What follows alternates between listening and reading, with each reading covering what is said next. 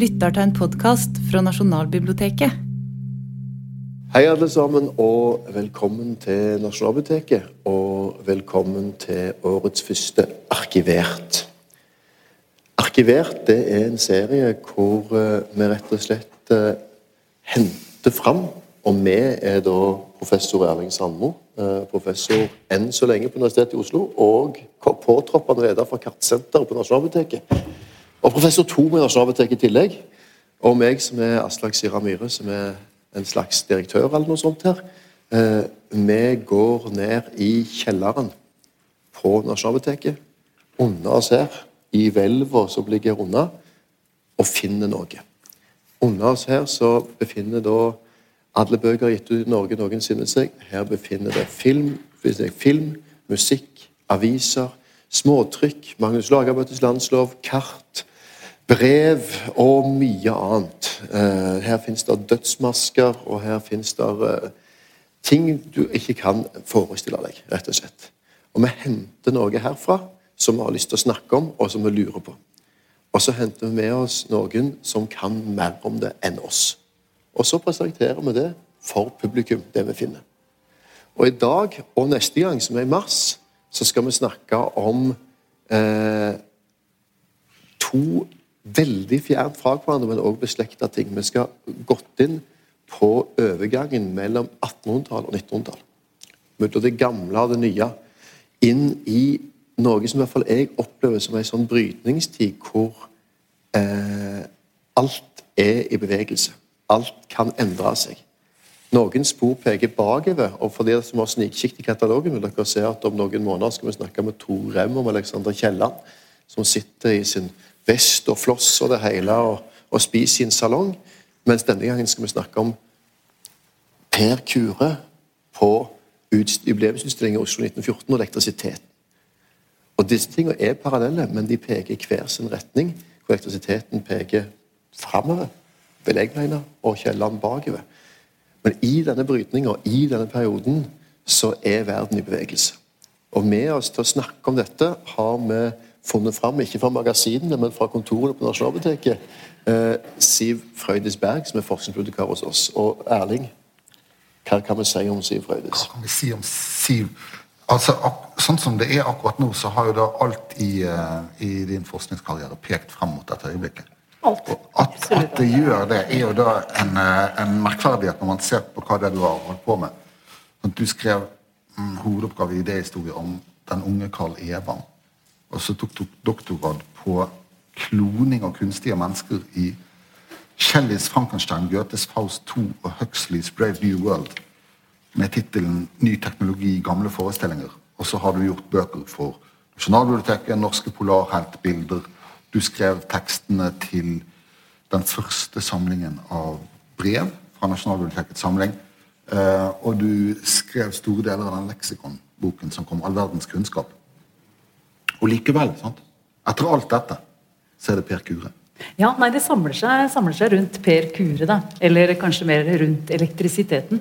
Eh, og eh, kanskje fordi at det er eh, en metafor som altså Det er jo en teknologi, men det er en metafor som også eh, tar opp i seg eh, forventningene om noe helt nytt. altså Det tar opp i seg altså det, det, er knytta veldig mange store spørsmål til, til elektrisiteten. eller man har, brukt, man har, brukt, elektrisiteten til å stille store spørsmål gjennom hele 1800-tallet og opp til 1900-tallet. Knytta til liv eller død, eh, knytta til utvinning av naturkrefter. Eh, det er metafor, og det er også småteknologi. Og det er eh, eh, sånn som Per Kure og småtrykkene som vi ser her, og som også er utstilt bakerst i eh, et eh, monter her som vi kan se på etterpå. Da får vi starte der, Siv. Eh, her er det altså Per Kure er for de som kanskje tror alle vet det, men allikevel det er altså en, en, en, først en butikk, en ingeniørforretning, som blir en fabrikk i Oslo.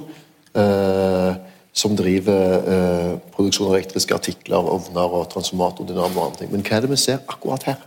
Hva er dette som vi nå ser framsida på, som vi kan bla til innsida? Ja, altså Her spør de jo hvor møter man Per Kure på jubileumsutstillingen. Og Jubileumsutstillingen 1914 det var, eh, det var den store utstillingen på Frogner. Eh, en eh, utstilling der man mønstra oss sjøl, som de sa. Prytz, som leda denne komiteen, sa at vi, vi skal mønstre oss sjøl. Og man samla kunnskap om det norske, for det var den norske industrien som skulle vises fram. Og, og, i god tradisjon fra de store verdensutstillingene som hadde hatt en parademarsj fra opp gjennom hele eller siste halvdelen av eh, 1800-tallet, hvor man viste de store, nye visjonene. Men her på denne, altså nye, de nye, store teknologiene, eh, som elektrisitet og, og, sånn. Men her er det eh, Det er interessant med Per Kure, fordi at han, han er litt overalt. Eh, i han, eh, altså han, han, leverer i de store altså Han leverer i Maskinhallen. Det var en eh, stor Den største av alle bygningene. altså eh, Frogner-utstillingen den var, den var, kjempestor. Eh, den, den, var oppe på oppe i Frognerparken nå. Eh, bare si litt om den først, ja, kanskje. Det. Er ikke det lurt? Eh, og det var, det var, en hvit, nydelig by som ble eh, bygd for å huse denne utstillingen. 214 bygninger som en bydel i dag.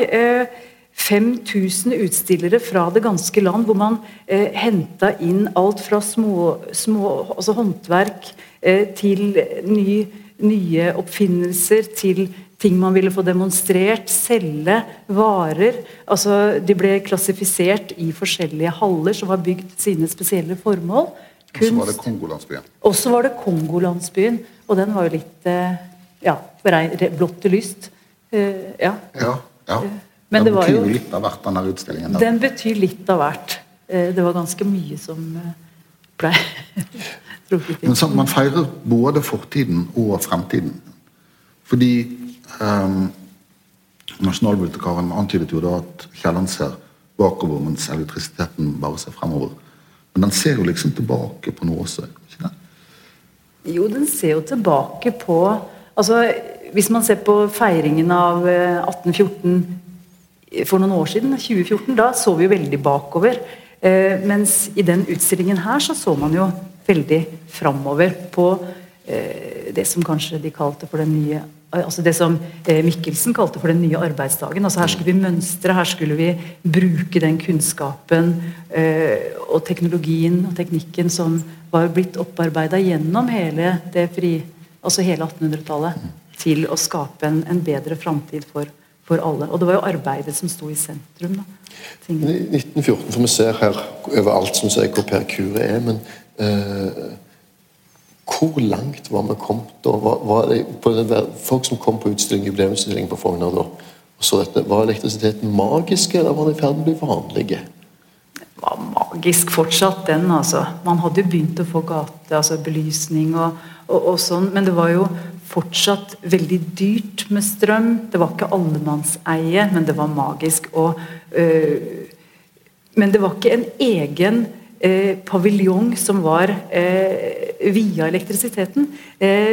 til den utstillingen der så gikk jeg gjennom utstillingsavisa, fordi de ga ut, jubileumsutstillingen ga ut en, en jubileumsavis som hadde to, de ga ut to eksemplarer om dagen. Så den var jo veldig oppdatert skulle man følge med på de store begivenhetene ute i verden det samme året, som ikke var så opplysende eller så positiv, da, da kunne man følge med der. Fikk man absolutt siste nytt. Så de ga ut to aviser til dagen? Ja. To utgaver hver dag. Mm. Og også da med internasjonale nyheter etter hvert. Ja. Mm.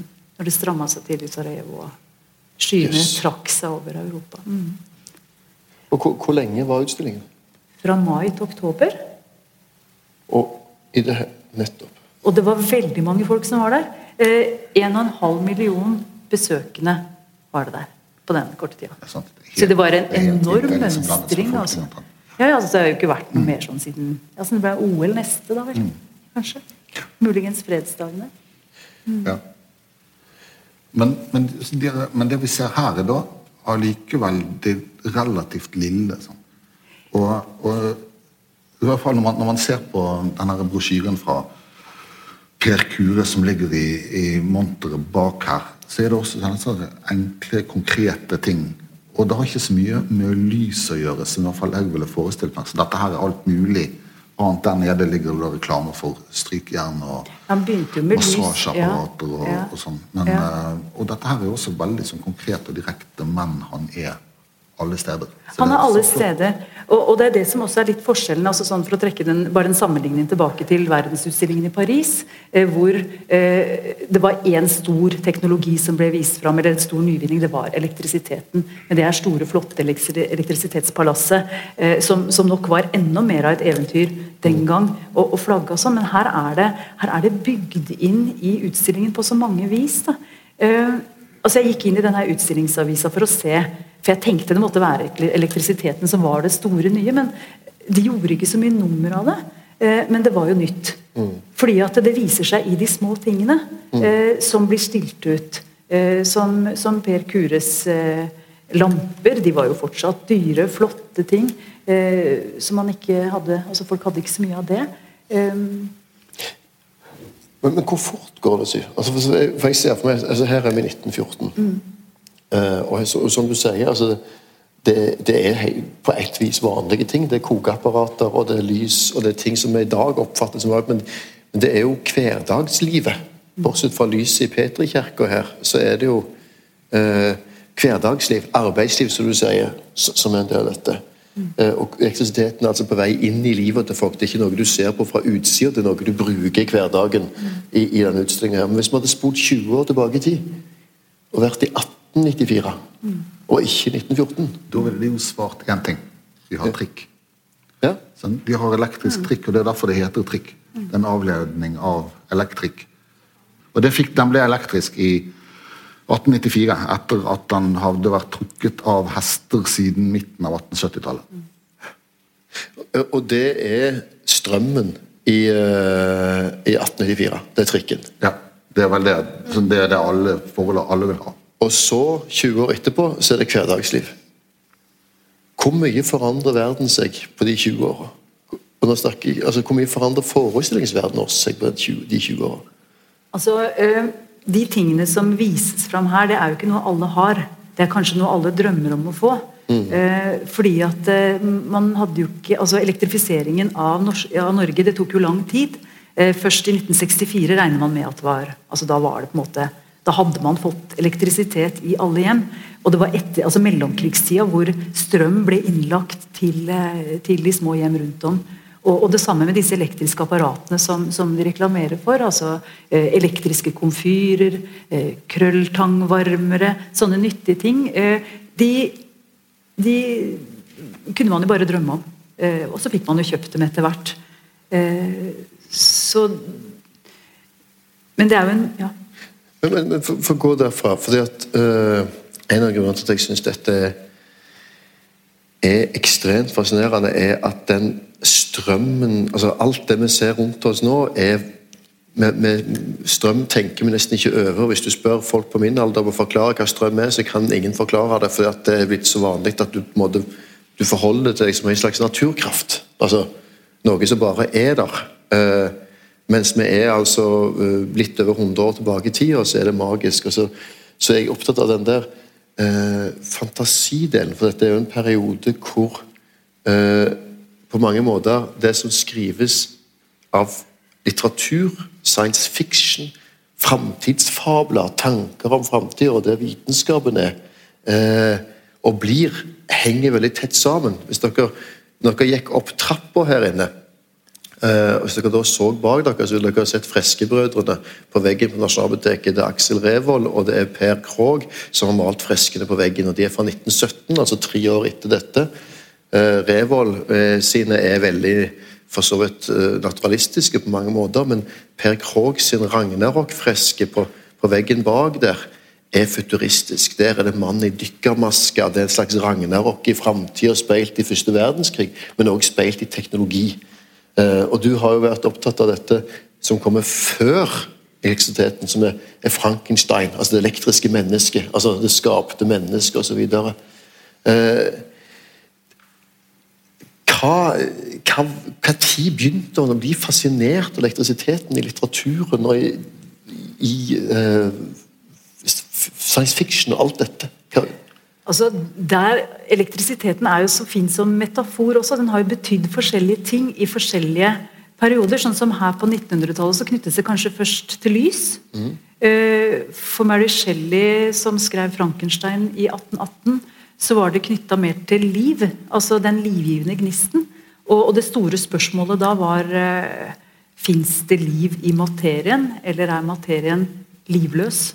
Mm. Og, og, hvis det fins en substans som ikke er materien, altså Hva slags substans er i så fall den livgivende kraften? Da?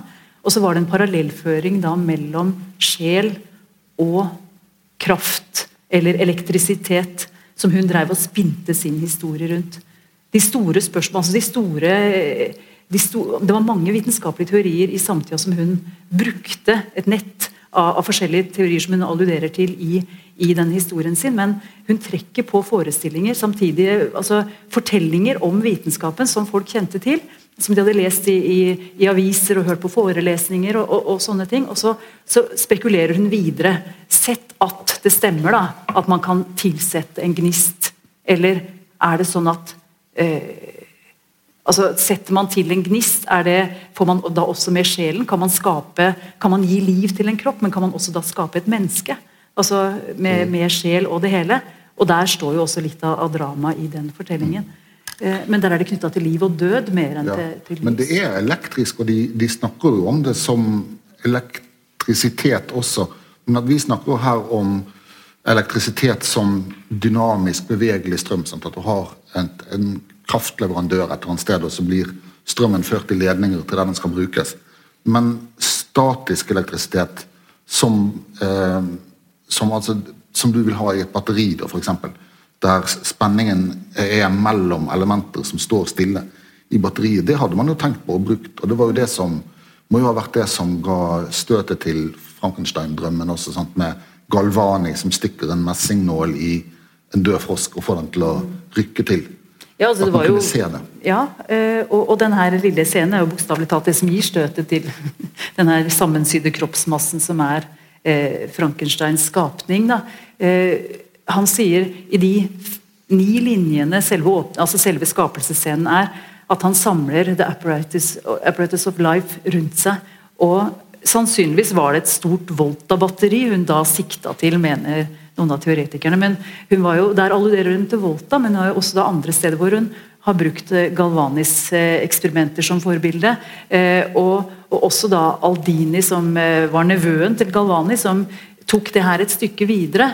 Og ikke eksperimenterte på frosker lenger, men da på levende menneskekropper. Og førte inn strøm, sånn at de begynte å bevege seg. Mm. Så det var flere flere ting i samtida. Og det her var jo eh, populære og interessante fortellinger for folk å lese om da, i, i, pressen. Mm. Og lett å spekulere videre på. Og det, sånn, akkurat den perioden der med disse vitenskapsmennene og teknologene rundt århundreskiftet før igjen, mm. er jo som å altså Det er veldig rart å se at de heter Galvani, de heter Volta, de heter Ohm, de heter Ampere. Mm. Sånn, at de er det var det de het. Ja, sant, det er det de het. Og det, det, er alle navnene på elementene i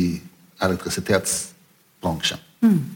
Mm. Og så har du siden vi snakker om det, så kjører da dattera mi PG ut hver gang hun ser en Tesla Så sier 'se en Tesla'. Uh, og er begeistra for den elektriske bilen og sikkert litt for rikdommen og alt som er rundt det. Men, har jo ikke noe, men det er jo da uh, eh, 100 år etter Ampere og alt dette, så kommer Tesla og Edison. Og det òg altså, det pågår vel mer eller mindre Dette er 1914, og da pågår fortsatt, eller er nettopp avslutta, den store elektrisitetskrigen. Hvor Tesla, Nikola Tesla, som uh, har vekselstrøm, og Thomas Edison, som har uh, da uh, Ikke vekselstrøm, likstrøm. Hva er dette? Jo, AC. Hva er det på norsk? Hæ? Likestrøm, takk. Likestrøm, vekselstrøm, som konkurrerer om hva slags strømsystem som skal vinne fram. Uh, og hvor uh, det er Tesla som vinner, men Edison blir rike uh, på dette. Og det er Og nå kjører bilene rundt. Den nye elbilen som skulle lansere, heter Nicola på det samme. Men det er den Det er en formingstid for alt vi oppfatter som vanlig. Men det er òg en formingstid for landet, er det ikke det? Nå er vi tilbake i Nå er vi tilbake 1914. Ja. Ja. Eh, Eller med tida før det. Strømmens tid. Altså, eh, tid kommer forestillingen om strøm i Norge? Du har Bjørnson og du har Kittelsen. Hvem er først?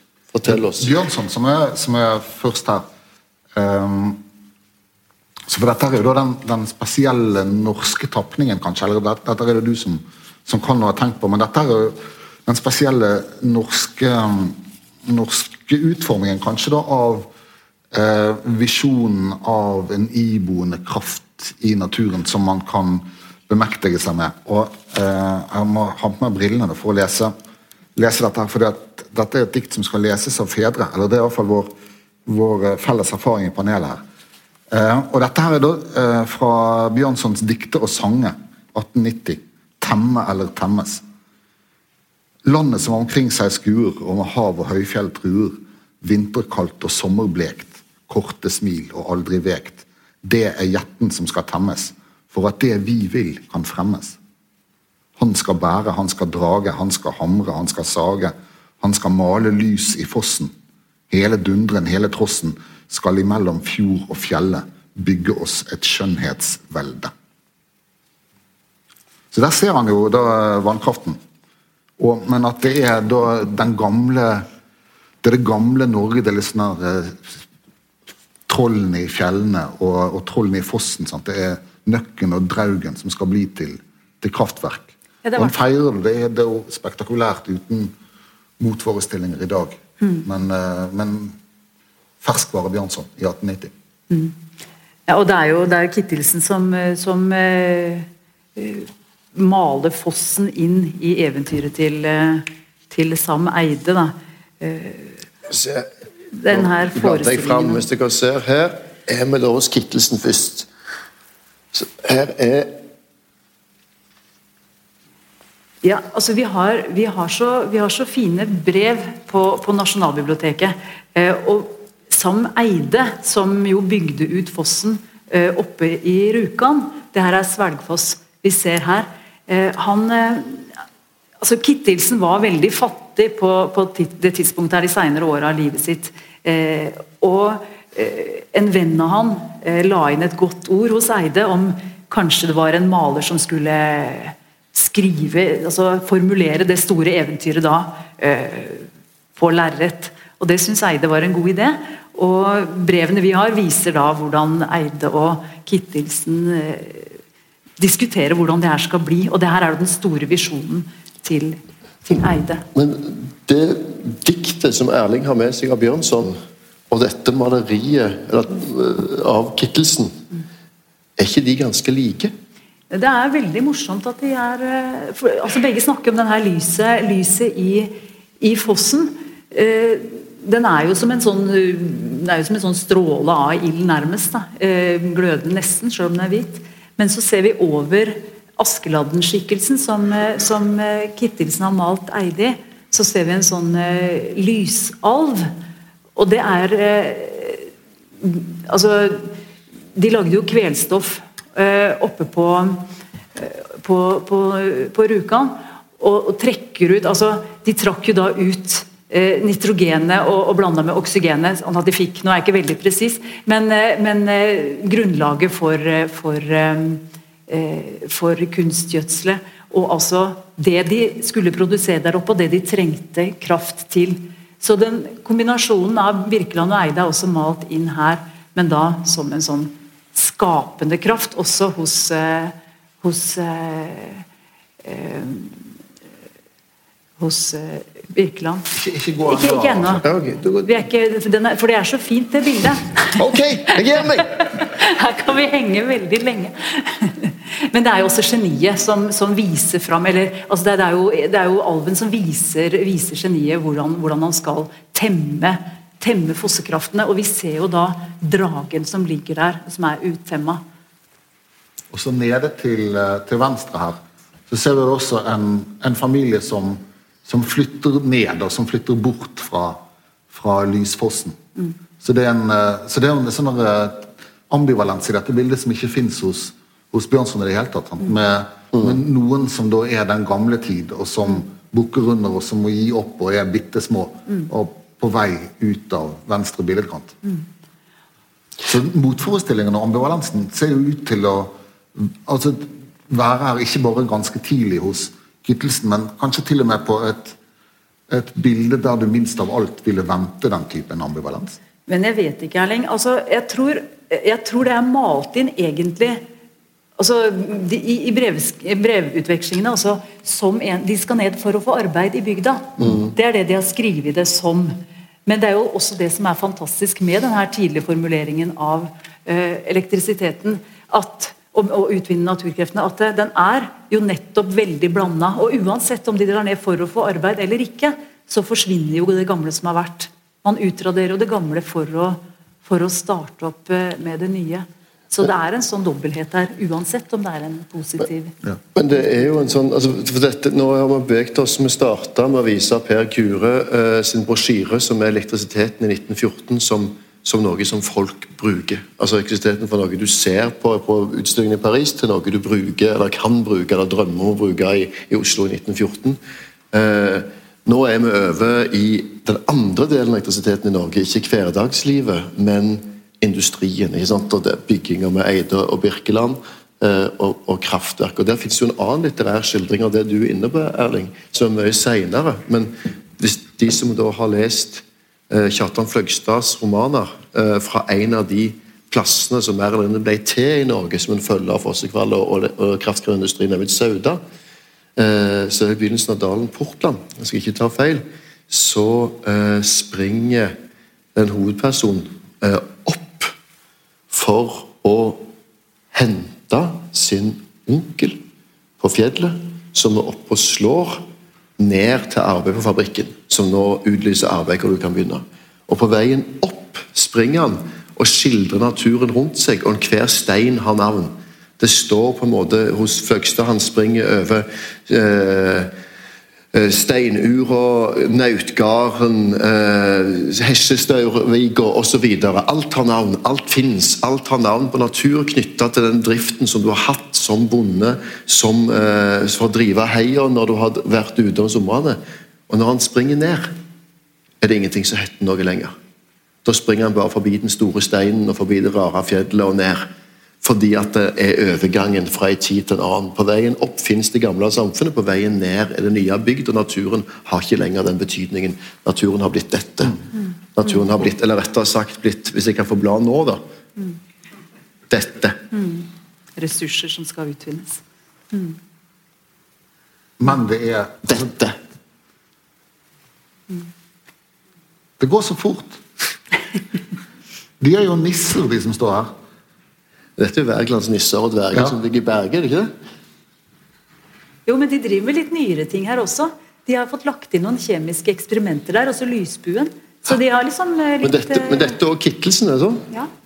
Ja, for dette er en suite på fem bilder som, som Kittelsen laget for Sam Eide. Så det må jo være Wergeland sine nisser og dverger han har hatt i bakhodet når han har lagd det. Kanskje? Det vet jeg ikke. Kan ikke du alt? Her er vi i hvert fall over i Rjukan i den nye. Og der er det i hvert fall troll på sida. Det, det tror jeg er hans egne. Han kalte dem for misunnelsen og dumheten, de på hver side. Eh, og han mente at de hadde fulgt både han og Sam Eide opp gjennom hele livet. Fordi, Selvsagt.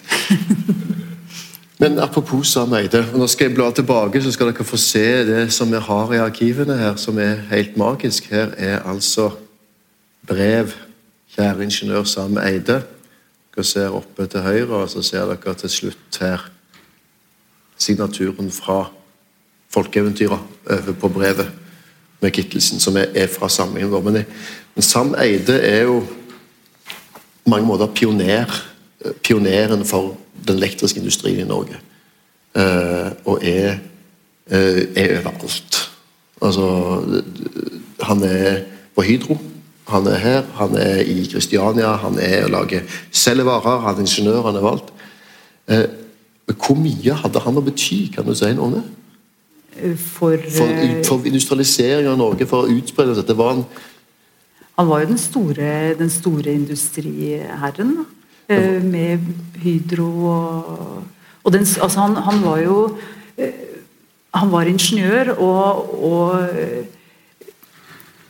hadde, det vært, hadde Norge sett annerledes ut hvis det ikke var for Sam Eide? Eller ville det bare kommet noen andre og gjort det samme, som hadde hett Lars Eide eller Sam Hansen eller det, det, det, det tror jeg altså Det var jo et veldig fint møte mellom han og Birkeland da, som, som, la grunnlaget for Norsk Hydro. Mm. Eh, men fossene lå jo der, og man var jo interessert i å utvinne fossene og utvinne energi i fossene. altså eh, Selv om de, de kjøpte jo fossen oppe i Telemark ganske tidlig og, og, var litt usikre på om de skulle, altså, om de skulle sette i gang. Og, og, prøvde å få solgt den igjen på et tidspunkt. Eh, men, men eh, når de fant da ut altså, eh, hvordan, altså Når de fikk da nok investeringer fra utenlandske selskap og til å sette i gang denne store prosessen, så var det jo, var det jo i gang.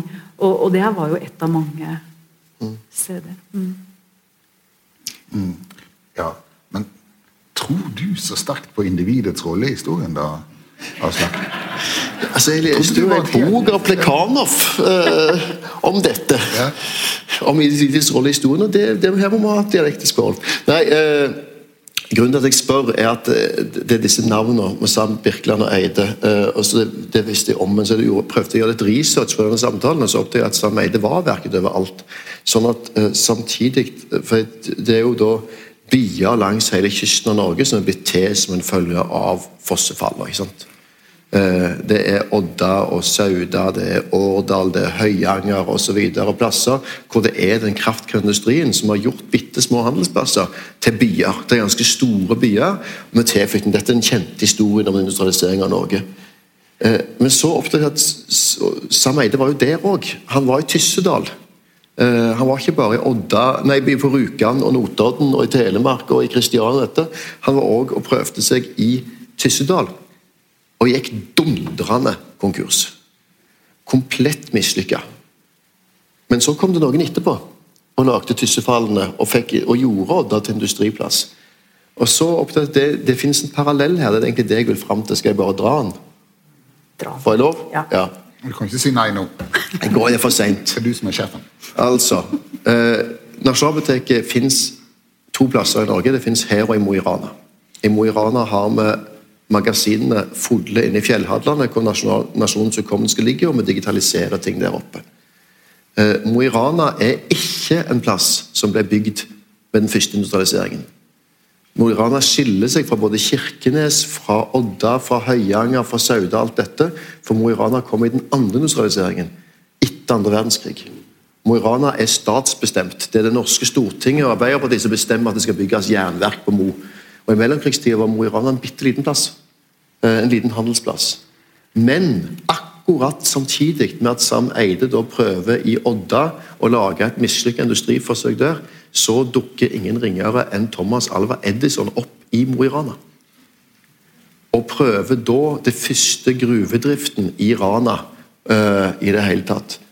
Da kommer de begge to med hver sin metode uh, for hver sin virksomhet. Eh, Sam Eide kommer og prøver ut det som senere blir vellykka eh, på, på Rjukan og i Grenland, eh, og får det ikke til der. og Han vil starte kraftindustri der. Thomas Edison hadde 1000, over 1000 patenter. Mesteparten hadde han ikke funnet opp selv. En av de tingene han tok patent på, var magnetisk utvinning av jernmalm. hvor du knuser jernmalmen, og så har du superstore elektriske magneter selvsagt, som skal trekke ut jernet fra den knuste massen. Dette testa han da i Mo i Rana, i Dunderdalen, for der var det gruver den gangen, og gikk dundrende konkurs. Men hadde da et forsøk i samme perioden og var ute og bygde. Eh, og det er fascinert av det Hvor få de var, eh, på ett vis. Altså at, at et menneske da prøver at en sånn som Edison prøver alt overalt. Erling, du har eh, noe av det første når man Fortell det. Altså Når man eh, finner opp strømmen, så finner man også ut hva kan man bruke strøm til.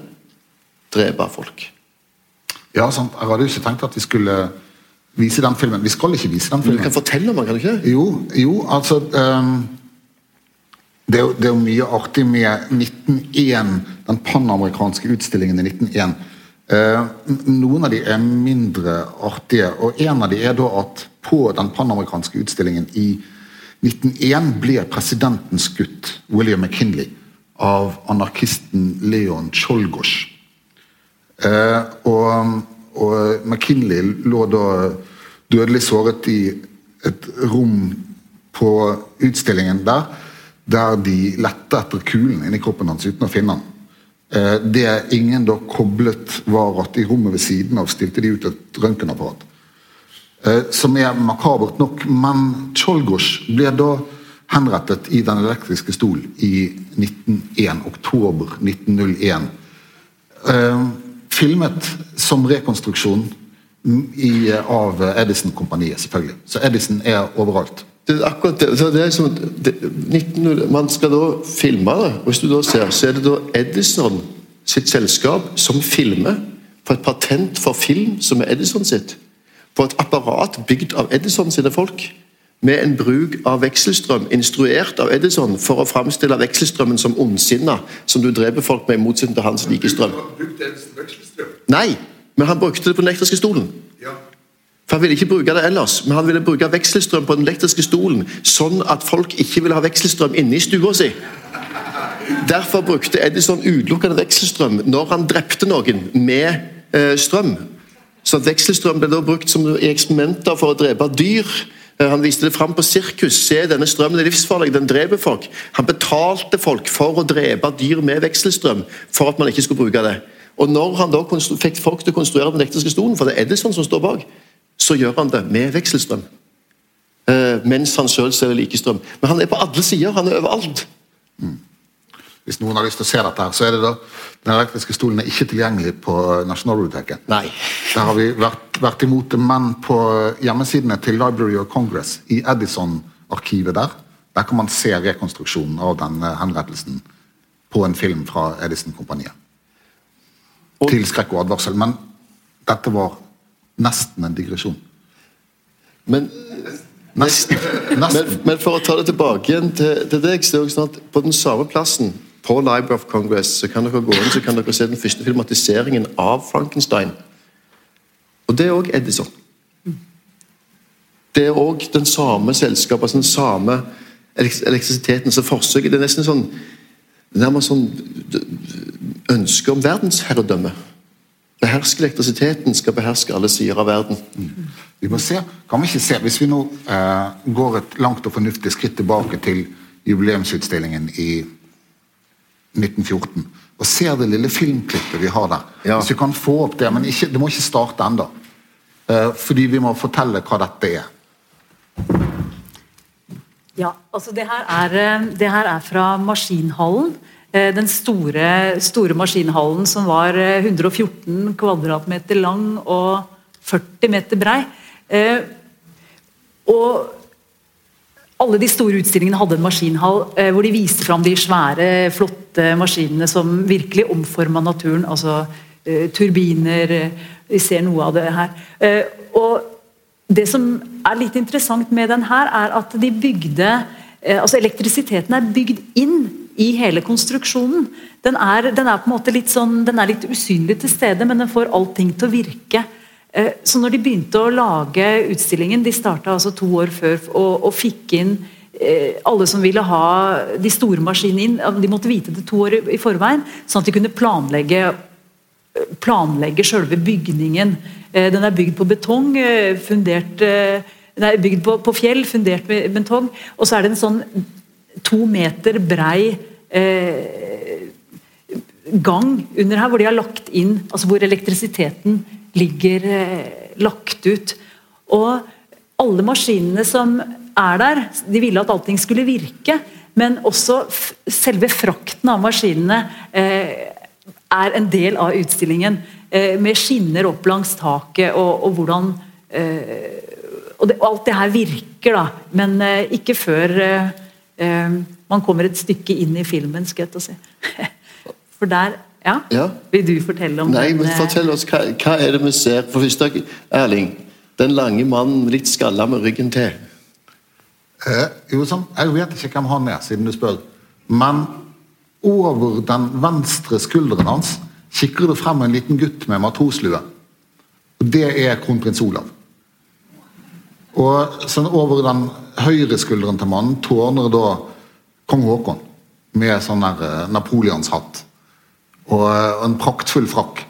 Og eh, like foran de to, altså til høyre igjen for den der eh, mannen med ryggen til oss, så er det en, en søyle, en liten stolpe, som står opp med en knapp oppå. Det er fremtiden. Det er på knappen. Dette er knappen som den vesle kronprinsen skal trykke på for å sette i gang maskinhallen. Det, er rett og å skru på strømmen. Å skru på strømmen. Den er fin, den der eh, med kronprinsen som, som trykker på knappen. Det er litt den her eh, første bevegeren som får allting til å skje. Og den unge prinsen og framtida.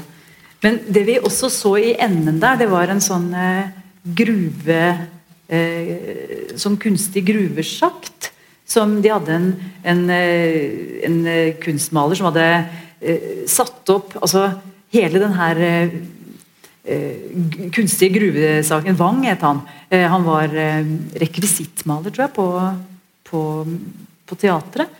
Han utsmykka hallen, og han satte opp da denne eh, Vangshøyden, Vangskålen, som var da, hvor, hvor gruvedriften ble, ble, stilt ut. Han hadde også utsmykka hallen med, med fresker, eh, med malerier av 28 forskjellige industri...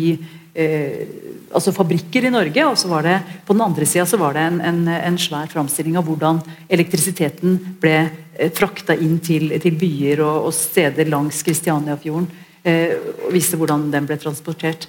Eh, og, og, i den andre enden, altså nordenden, så hadde Kongsberg våpenfabrikk og Raufoss eh, patronfabrikk vel, en, også en veldig flott utstilling som ble premiert der hvor Kongsberg våpenfabrikk viste fram automatvåpen for første gang.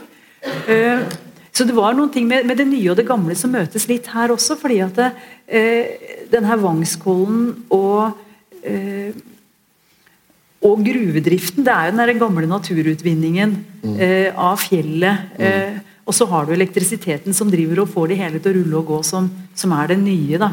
Så, så spenningen ligger i, i hallen mm. også. Og det minner om det der flotte som, som Kant skrev. Sant? når i en sånn refleksjon om, om, historien så skrev Immanuel Kanter i, i uh, 'Lyset fra ikke-elektrisk lampe'. Uh, skriver han, sånn er det, Kan vi aldri se historien? Sånn, når vet vi at historien er her? Så Det er så mange små bagateller, og vårt liv er fullt av petitesser.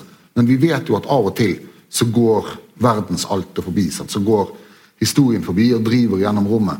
Og når vet vi det? Mm. Uh, jo, historien manifesterer seg når mengden opplever det sublime. At det er flott. Når mengden opplever det sublime. Når folket viker tilbake i bestyrtelse. Maskinhallen.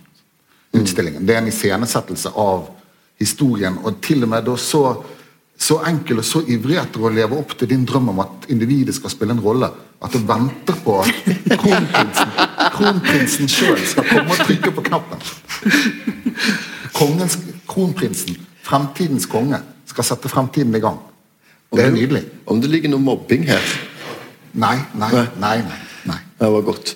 Uh, uh, Kronprinsen skrur på elektrisiteten i maskinhallen. Han skrur på det magiske som skjer, som er integrert i det, og han skrur på lyset.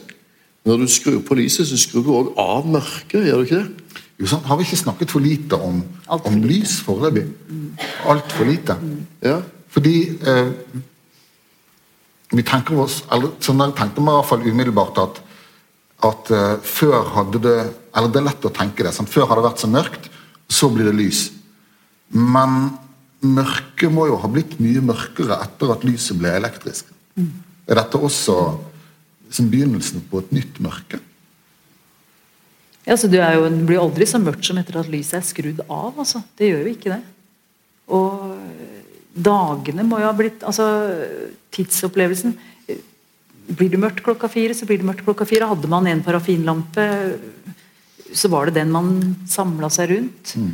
Uh, Liksom for det der med Mørke og lys det har jo vært, vært brukt nesten til alle tider som en metafor for overgangen fra noe dårligere til noe bedre. altså Det er opplysningstiden, og det er, det er liksom hele tiden den der eh, drømmen om, om klarhet og, og, lys mot mørket som ligger bak og er fortidig. Men hver gang man skaper et skarpere lys, så skaper man kanskje også et, et dypere mørke. Ja, og det er jo der også altså I skyggene og i det dunkle, det er jo der også kritikken kanskje befinner seg. da. Altså Kritikken mot opplysningstida, eh, Mary Shelleys roman 'Gotikken', hvor man har da på en måte andre typer utprøvninger enn det som eh, Hvordan er industrien i forhold til eh, når elektrisk lys kom, ble arbeidsdagene lengre? Hvordan ble Det, ble brukt? Sist tema vi hadde her, var øh, øh, aviser i den russiske revolusjonen. Og det er klart det er en parallell, men ikke en kausalitet. Uh, for det at uh, det du spør om, så er det jo sånn at åttetimersdagen, altså den korte arbeidsdagen, og hvor du plutselig får en lengre fritid og en lengre egendag, skjer parallelt med dette. Men det er nok den russiske revolusjonen mer enn det elektriske lyset som skaper grunnlaget for uh, den kortere arbeidsdagen og den lengre fritiden. Lengre arbeidsdager. Eh, For at du lys, du kan ja, du kan lage bare lenger, men samtidig så innfører du skifter som gjør at du uh, sjøl ikke har den lengre arbeidsdagen. For åttetimersdagen kommer parallelt, så arbeidsfolks arbeidsdag blir kortere. Virketida blir lengre, og du kan jobbe lenger på gårdene. Men, men jeg tror at altså, det første som står i den kristne uh, nærmest hele fortellingen, er at det blir lys. Og det er Gud som skrur på lyset. At Gud skrur på lyset og sier 'bli lys', og det blir lys. Og det opplyser dagen. Og med elektrisiteten så må jo det innbille meg det at altså fortsatt når jeg skrur på, hvis, det, hvis jeg har gode lyspærer og, og kan skru på lyset om morgenen når det er begmørkt, så er det jo magisk at det plutselig rommet er helt lyst, og jeg kan se fra der jeg ikke så noen ting i det hele tatt. Og nå får mennesket på en helt annen måte kontroll over lys og mørke. Uh, og hva gjør det med mørkt nå, Erling? Ja. Det, det er jo morsomt å tenke på. Jeg vet ikke nøyaktig hva det gjør med mørket, men, en sånn morsom ting som skjer samtidig med elektrifiseringen, er jo denne her voldsomme oppblomstringen av spøkelseshistorien som litterær sjanger. At uh, Emma James, og liksom hele den engelske senromantiske, modernitetsskeptiske spøkelsestradisjonen der eldre ugifte menn i antikvariater ser rare ting. Det er jo alltid i, i mørke kroker, og det er der det ikke er lys, og der lyssky ting manifesterer seg eller foregår. Og den her eh, eh, altså Mørke bakgater har man vel alltid hatt, men de blir jo mye mørkere når man får gatebelysning, som jo riktignok ikke, ikke er elektrisk fra begynnelsen av. Men gårdeiere i Oslo får beskjed om å installere elektrisk lys i portrommene for at det ikke skal være prostitusjon og usedeligheter og, og tyver og voldsmenn. Eh, Så den der eh, kontrasten mellom lys og mørke etablerer da også et mørke som er et, sånn en, eh, et kulturelt område der uhyggelige ting foregår, som man enten kan bli underholdt og skremt av i form av spøkelseshistoriene, eller man kan kontrollere det og overvåke det ved hjelp av elektrisitet. Så det er mye sånn disiplinering på, på mange nivåer som kommer med, med elektrisiteten. Altså, du kan styre arbeidstiden, du kan holde fabrikken døgnåpen, og du kan lage Se. opplyste portrom og se. Og dermed bli redd når du ikke ser. Og så er det et annet eh, Ja, snakk. Ja.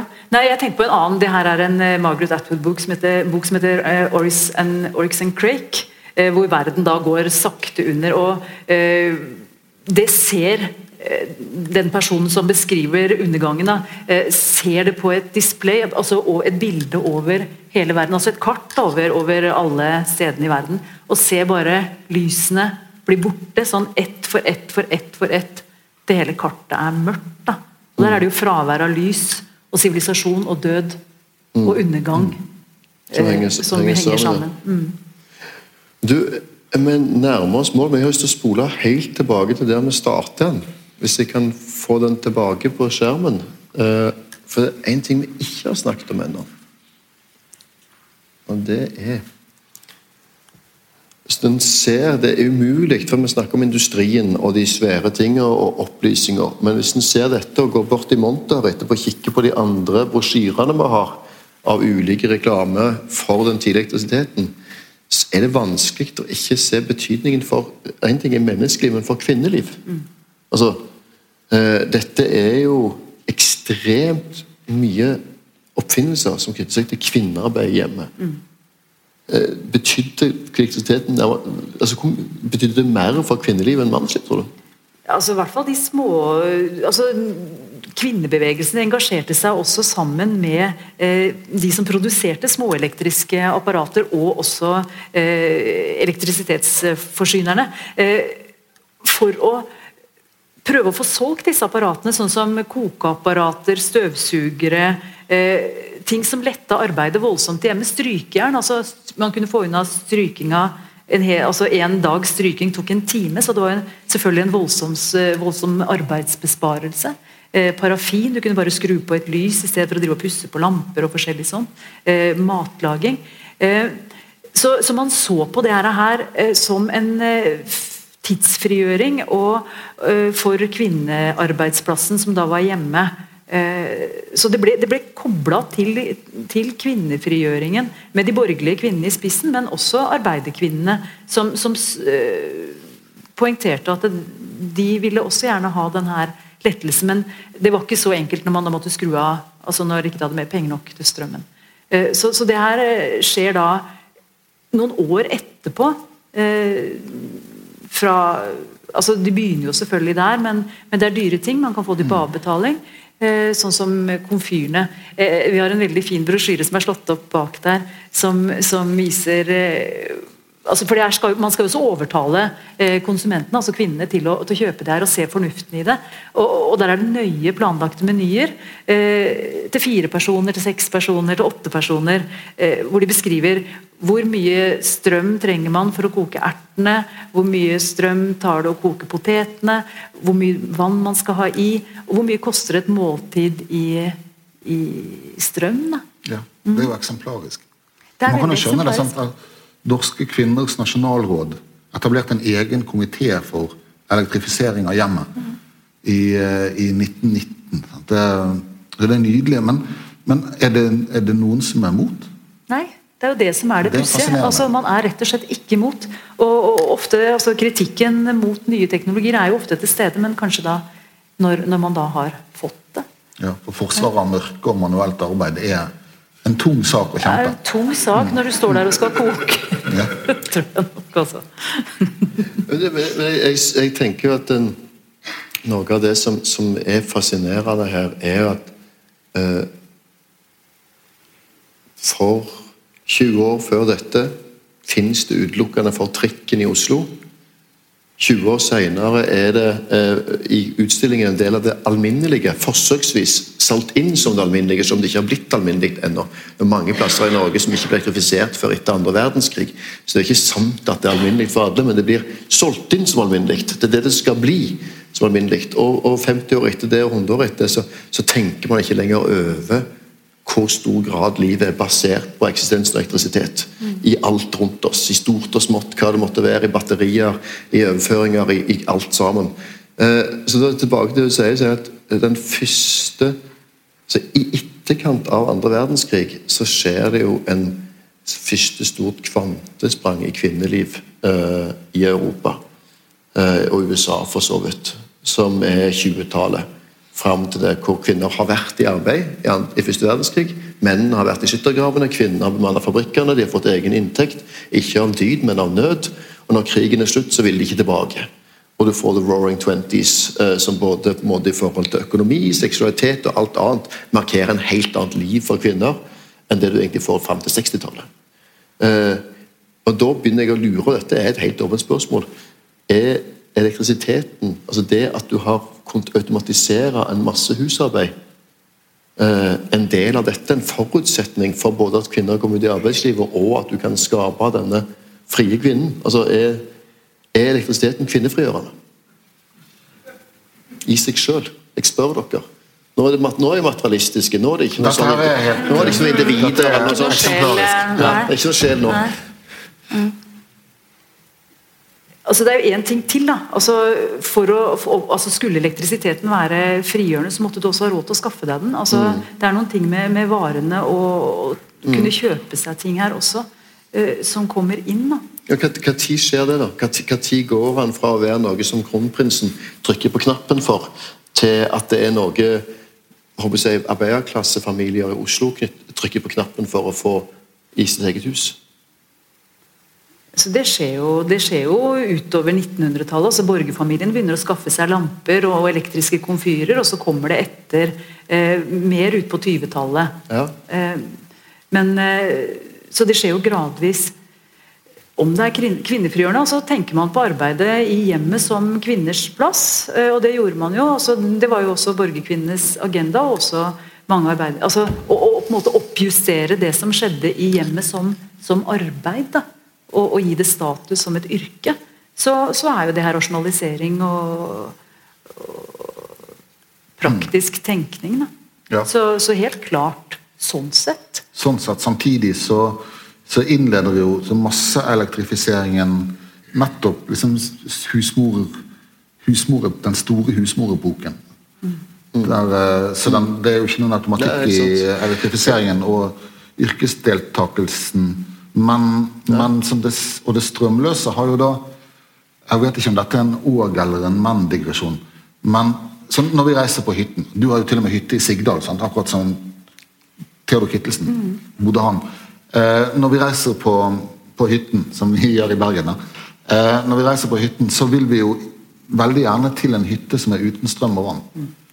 Fordi at vi, eller mange av oss vil det, og i hvert fall i en fase av vårt liv. Med en gang vi har fått hytte, så er det gjevt med parafinlampe og, og vedfyring. Eh, og så etter hvert som vi blir litt eldre, så er vi villige til å betale litt ekstra for å få strøm likevel. Men det er jo en sånn eh, tidsreise som mange av oss liker å gjøre. Som er tilbake til en tid der makten var annerledes fordelt, og der manuelt arbeid skulle gjøres. og Der far plutselig, da, i hvert fall i, i vårt tilfelle, eh, gjerne vil pusse glasset på parafinlampen. Men, men det fins jo et sånt eh, eh, minne om en langsommere tid som manifesterer seg i hytteliv i Norge. For mange. Og det er kanskje en utpreget borgerlig ting nå å lengte tilbake til tiden før elektrisiteten. Ja, kanskje. Synes- altså, hvis du, når man Men, sier men det er jo noe annet, altså, om det er borgerlig å lengte tilbake til det, men det er jo noe annet. Det er jo en annen tidsdimensjon. Ja. Altså, man får ved, ved fraværet av lys og, og elektrisitet. Eh, langsomheten, Skal man skrive noen ting, så må man passe på å ha dagslyset. Skal man lese noen ting, så må man forte seg før det blir mørkt. Da må man prate sammen, da, altså gjøre andre ting. Men Jeg tror det, det er vel et generell regel at det er sjelden de som husker hvordan det var å måtte bære vann hver morgen eh, og koke det og vaske klær i eh, svære koker manuelt, som lengter tilbake. Det, det, tar Det er gjerne, det, de tar, det tar gjerne en generasjon eller to før, før lengten kommer. Ja. Uh, far min syns at plastikk er veldig bra, uh, for at det er så enkelt. Uh, jeg syns at, at det er fint med kokekar fra 20-tallet. Men Men, det, men det, det er en morsom ting det der med, med den kollektive dragningen mot, mot det førmoderne i Ja. fellesferien. Kan dere huske sist dere opplevde strømbrudd? Ja, ja, eh, nei, nei, ikke sånn masse Nei, strømbrudd. når strømmen gikk når du ikke hadde strøm og ikke var kontrollert. Når strømmen gikk. Husker ikke. Det, er, det står jo om det i avisen av og til, og det er jo litt sånn sensasjonsprega og litt spennende. ikke sant? Altså, Wow, alt lammes. Oi, Ja. så fint. Men, Eh, men husker dere når dere var små? Husk, altså, små? Jo, ja. Gikk strømmen oftere Lys. da? Ja. Lyset gikk?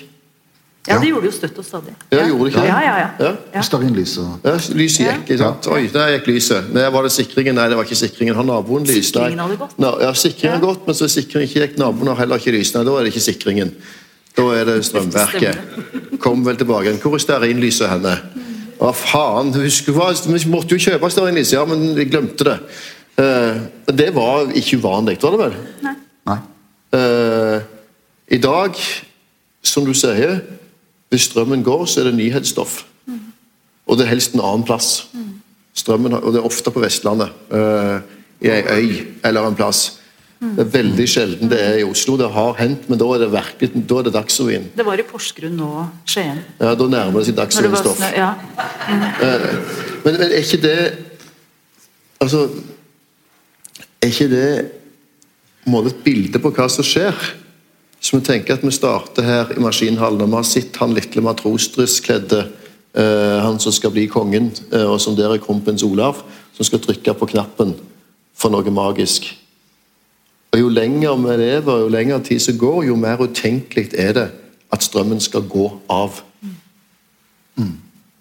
Ja, sant? Hvis det hadde vært mulig å, å stille det ut, så kunne man nå stilt ut strømbruddet på Teknisk museum.